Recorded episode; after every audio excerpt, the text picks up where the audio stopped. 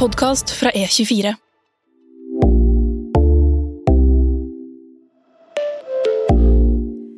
I ukens episode begynner vi med aksjer, og det er jo egentlig ikke for pyser, men hvis du er akkurat for lite pyse til at du ønsker deg aksjer, men redd nok til at du vil ha noe relativt trygt, hva investerer du i da? Med meg til å finne ut av de mest pysete aksjene har jeg deg, Joakim Bernhardsen, investeringsstrateg i Nordea Wealth Management. Velkommen. Hallo. Finnes det egentlig pyseaksjer? Det finnes eh, aksjer som eh, svinger lite, og det er vel kanskje det man er ute etter hvis man er litt eh, pysete, å unngå de store svingningene. Så ja, til en viss forstand så finnes det pyseaksjer. Det er bra. Gode nyheter. Men det er fortsatt en viss risiko ved alle. Ja, altså selv om du ser på de aksjene som svinger lite, så vil du fortsatt uh, se at eh, sånn som under pandemien i ja, mars 2020, da, da aksjemarkedet svingte veldig mye, at det var store fall i aksjemarkedet, så vil du fortsatt se at uh, pyseaksjene også falt mye da, gjennom den perioden. Men Pyse-aksjene er vel kanskje da karakterisert ved at de faller litt mindre enn det generelle markedet, da.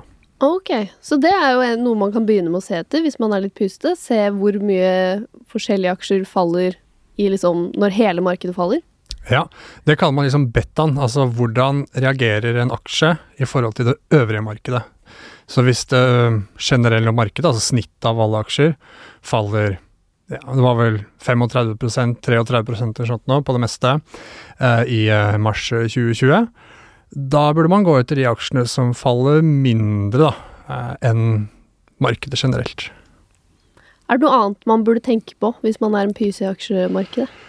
Pyseaksjer kan jo også være aksjer som gir ganske god og stabil eh, avkastning over tid, altså dividendeaksjer som har en viss sikkerhet i form av at de utbetaler eh, greit med utbytte hvert eneste år. Eh, det gir jo en fin kontantstrøm over tid, da. Ja, nettopp. Så man burde se på utbytte òg, ja. Det kan være Ja. ett element i en sånn pyse, pyseportefølje. Ikke verst.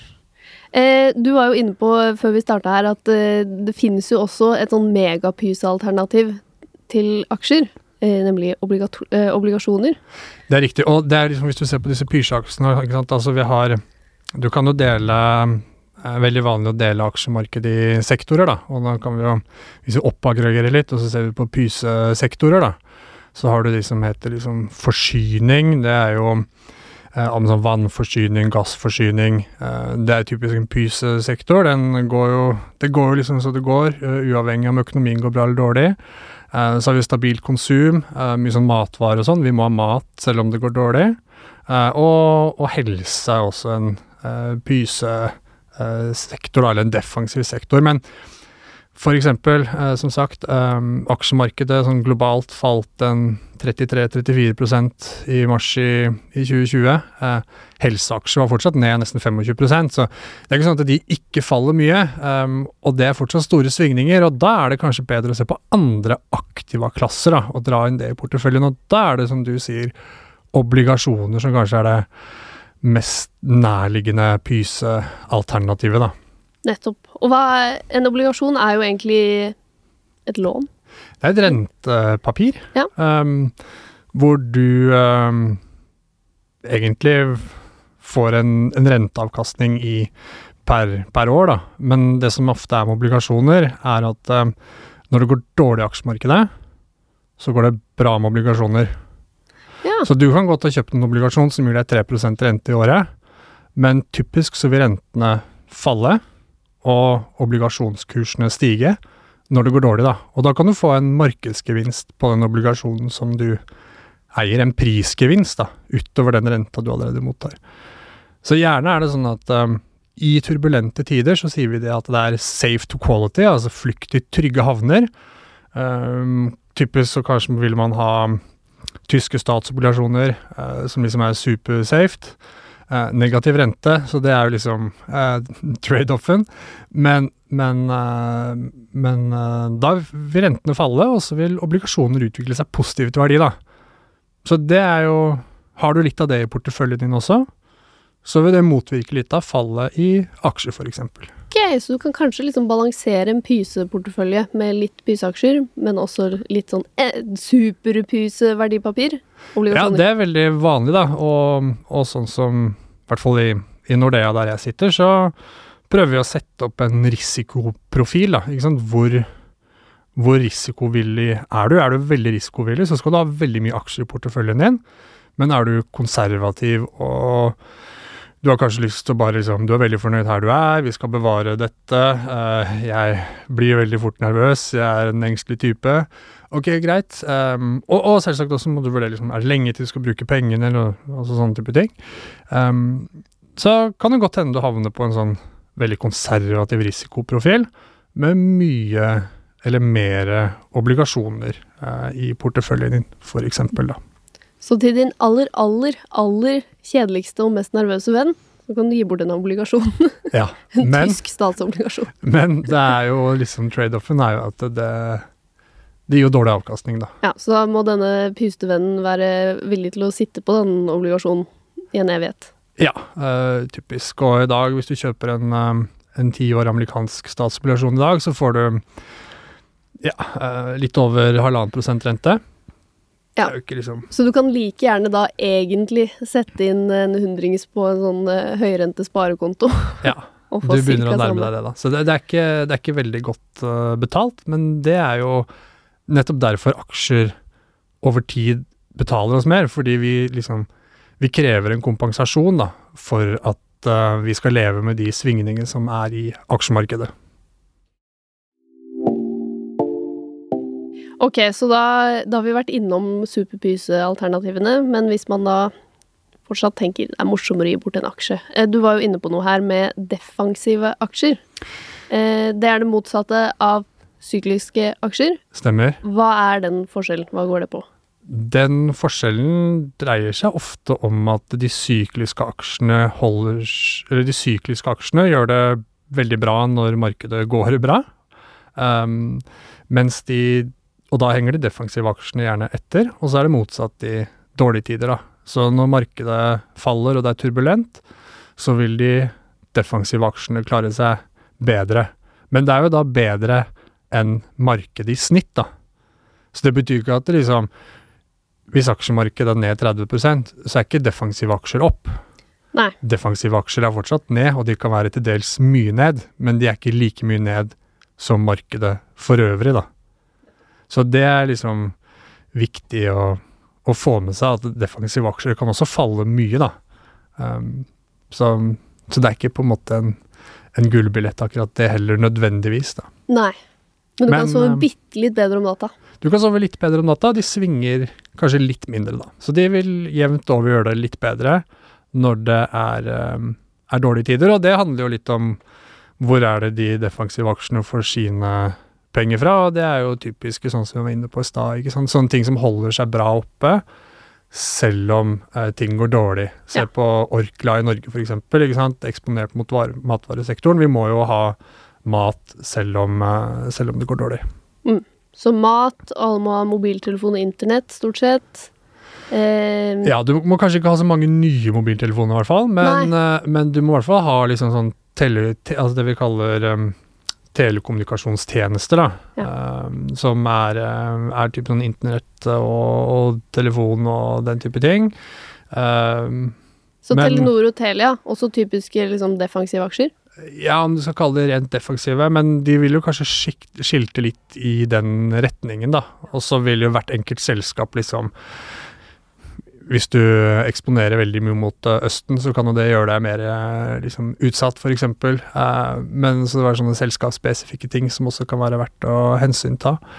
Um, men eh, men, eh, men eh, hvorvidt du trenger liksom en ny eh, Apple-telefon, det er jo usikkert. Det kan hende du utsetter det kjøpet, så Apple i seg selv, som lager telefonen, trenger jo ikke nødvendigvis å være et defensivt eh, selskap. Ikke sant? Så det man må tenke på, er ting som man liksom eh, absolutt fortsatt trenger. Så innen helse, ja, basic helse needs, men kanskje ikke liksom det hotte nye biotech-selskapet. og, og ting som er lett å kutte ut, da, er jo sånne ting som eh, Og det er jo Noe sånn som mat det er jo det innenfor den sektoren vi kaller stabil konsum. Og så har vi det vi kaller syklisk konsum, og det er jo mange sånne ting som er mye lettere å kutte ut. Da. Det kjøper vi når vi er rå, liksom. Og det vil jo typisk være en eh, syklisk sektor, Ja. som gjør det bra når det går bra i markedet for øvrig. Ja, ikke sant. Sånn, eh, vi, så jo under korona at eh, klesmarkedet gikk jo fryktelig ned. Mm, Helt til det gikk litt sånn opp og Hvis du kunne kjøpt joggebukseaksjer, så hadde det vært fett, men Onepiece-aksjer som du ikke ligge hjemme på sofaen med. Ja, men, eh, men eh, jeg tror det er Det er greit å tenke i de banene at uh, sånne ting som kreves uansett hvordan økonomien går, det er ofte det som er defensivt, og som svinger mindre, da. Jeg ville jo tenkt at liksom de tryggeste aksjene er de største aksjene. At det er liksom DNB, Equinor eh, Men det stemmer kanskje ikke helt. Det må ikke være sånn.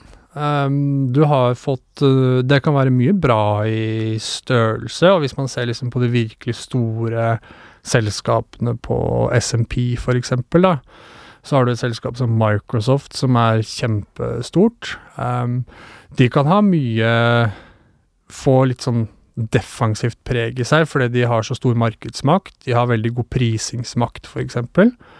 Um, så det er jo en ting som kan være kan være um, gunstig for et selskap, men Equinor da. eh, ok, det er et kjempestort selskap, men eh, de er veldig utsatt for olje- og gassprisene, da. Gjør det jo kanonbra nå som gassprisene er høye, men det er jo bare halvannet år siden eh, oljeprisen var 20 dollar fatet, liksom, og da så det jo ikke fullt så bra ut, da.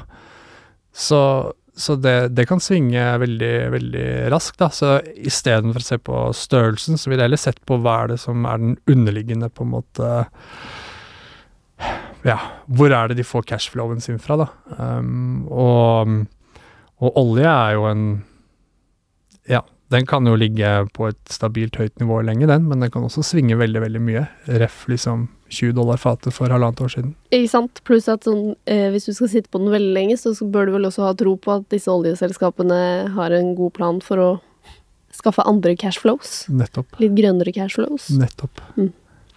Ok, så ikke bare størrelse. Men de største, DNB eksempel, de har jo store utbytter, da.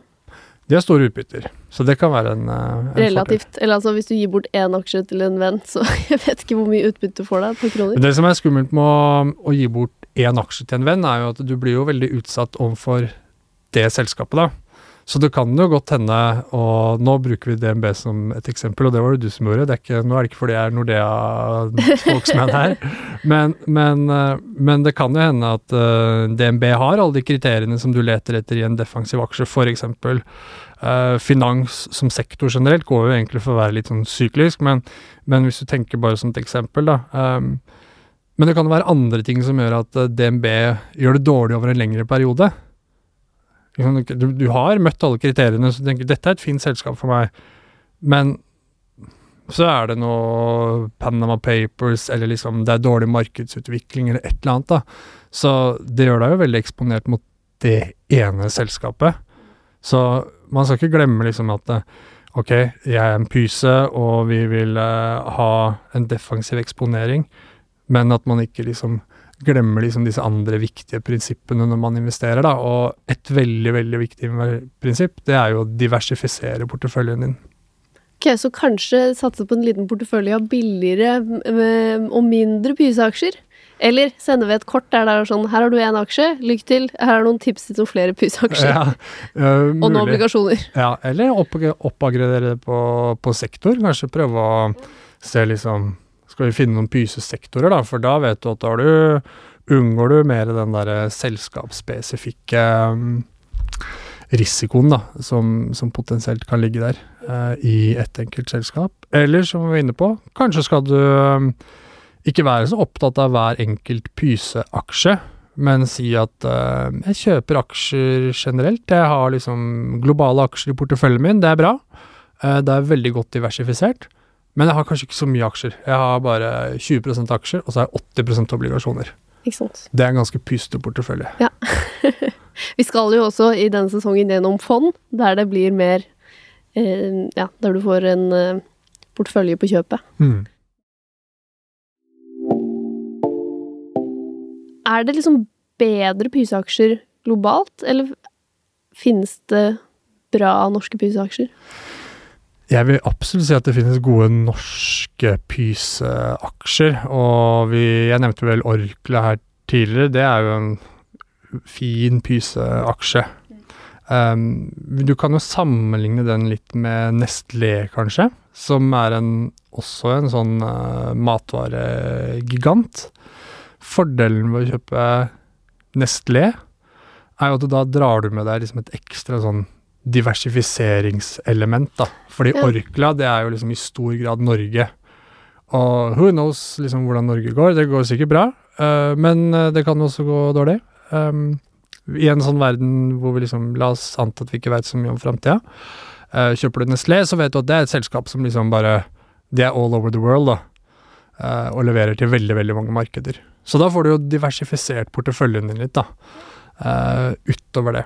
Så det kan jo være et uh, element å tenke på. Men, eh, men det fins absolutt gode norske uh, pysaksjer eh, å finne på Oslo Børs, f.eks. Ja, så litt sånn aksjer som har flere bein å stå på. Kanskje smart. Sånn som du nevnte jo Microsoft. De, har jo, de selger jo eh, mye forskjellig.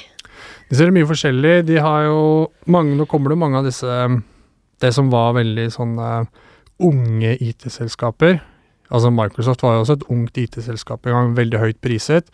Ikke lavt priset i dag heller, men, um, men det har på en måte fått flere ben å stå på. Så har de fått mer sånn derre En litt sånn abonnementslignende inntektsstrøm, da. Eh, at du har Eh, du har liksom en eller annen cashflow kommende fra noe abonnementsinntekter eller noe leieinntekter eller sånt. Og det er jo sånn som Netflix òg, ikke sant. Jeg skal ikke si at det er en, eh, en defensiv aksje akkurat, men liksom Du kommer brukere som betaler jevnt og trutt hver eneste måned, ikke sant. Um, så det også vil jo liksom gi en relativt uh, konstant uh, cashflow til det selskapet, da. Så nå bare for å poengtere det, altså det er et selskap som er høyt priset og liksom eh, bør unngås i en pyseportefølje, eh, men for eksempelets skyld, da. Hva da, Netflix? Netflix. Ok, jeg vil sett for meg at det er en bra pysaksje. Alle, vil ikke alle for alltid trenge Netflix? Jo, det kan du si, eh, men du må betale mye for det i dag, da. Det er kanskje Ja. mer det det går på. Um, Nettopp. og når du betaler mye for det, så er det også ganske Det er liksom basert på at eh, inntjeningen i framtida blir veldig høy, da. Ja, nettopp. For det er sånn som vi, eller én måte i hvert fall, da, å måle hvor mye du må betale for et selskap, det er jo pris i forhold til inntjening. Og det mest vanlige er å se på inntjening de neste tolv månedene. Hva, hva tror vi liksom i snitt at dette selskapet leverer av inntjening de neste tolv månedene? Og ut av det får du det vi kaller en PE-brøk, altså pris over E. Pris over earnings, eller inntjening.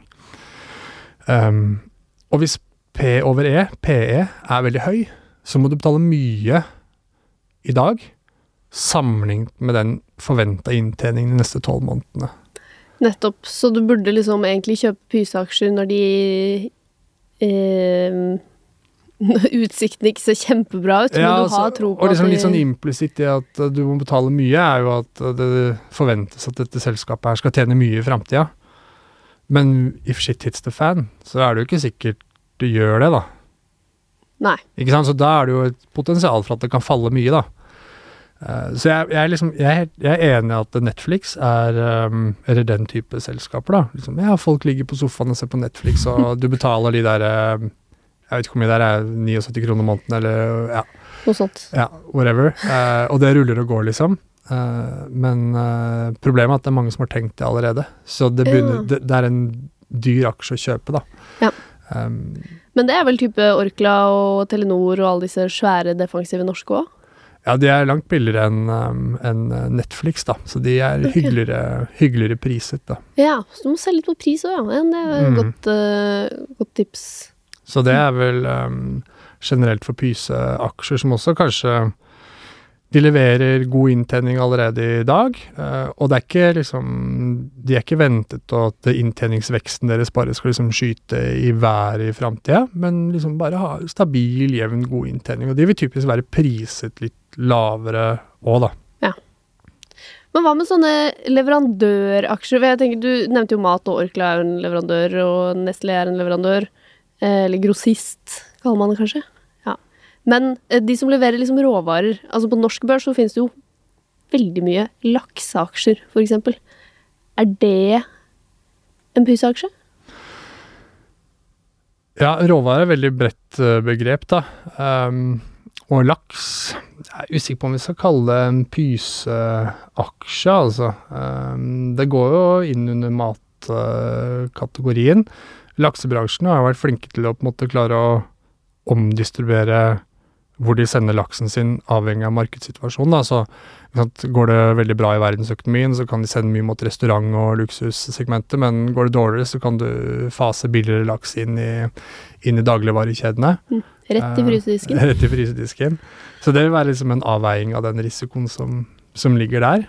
Eh, og så er det råvare liksom fra Hydro, Elkem, den type selskaper, da. Som jeg vil kanskje tenke er mer sykliske, da. Liksom. Ja, for de er mer avhengig av hvordan det går i økonomien? Hvordan det går i økonomien for ja. øvrig. Går det bra eller dårlig i Kina? Ikke sant? Kina er veldig viktig for råvareetterspørselen i verden. Liksom den type ting, da. Uh, og det vil være mer enn sånn Ok, er det booming times i verdensøkonomien, så, så er det høye råvarepriser, og da går råvareselskapene bra. Okay. Helt til de ikke gjør det. Og det er typisk liksom når det blir dårlige tider og krise, og råvarepriser faller. Nettopp. Så råvarer du kan spise, bedre enn eh, råvarer eh, forskjellige markeder trenger for å bygge ting og investere. Jeg vil tenke det. Okay. Ja, men det er Ok, så tommelfingerregelen. Se på hva folk alltid trenger.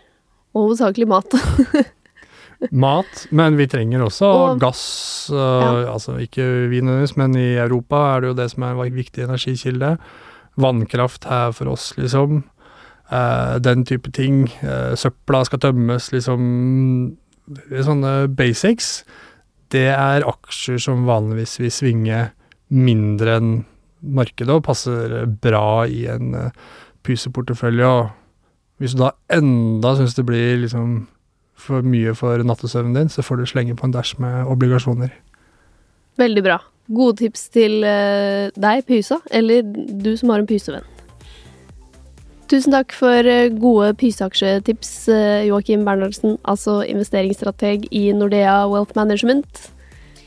Neste uke så skal vi bøye oss ut på mye mer vågale aksjer, så da er det bare å følge med hvis du har lyst til å gi bort eh, skumle aksjer til en venn, eller ønsker deg det selv. Prosent i dag, det var Kristine Masdal Odne. Og hvis du vil ha mer innhold, så finner du oss på Instagram. Der heter vi Voksenpoeng med Nora.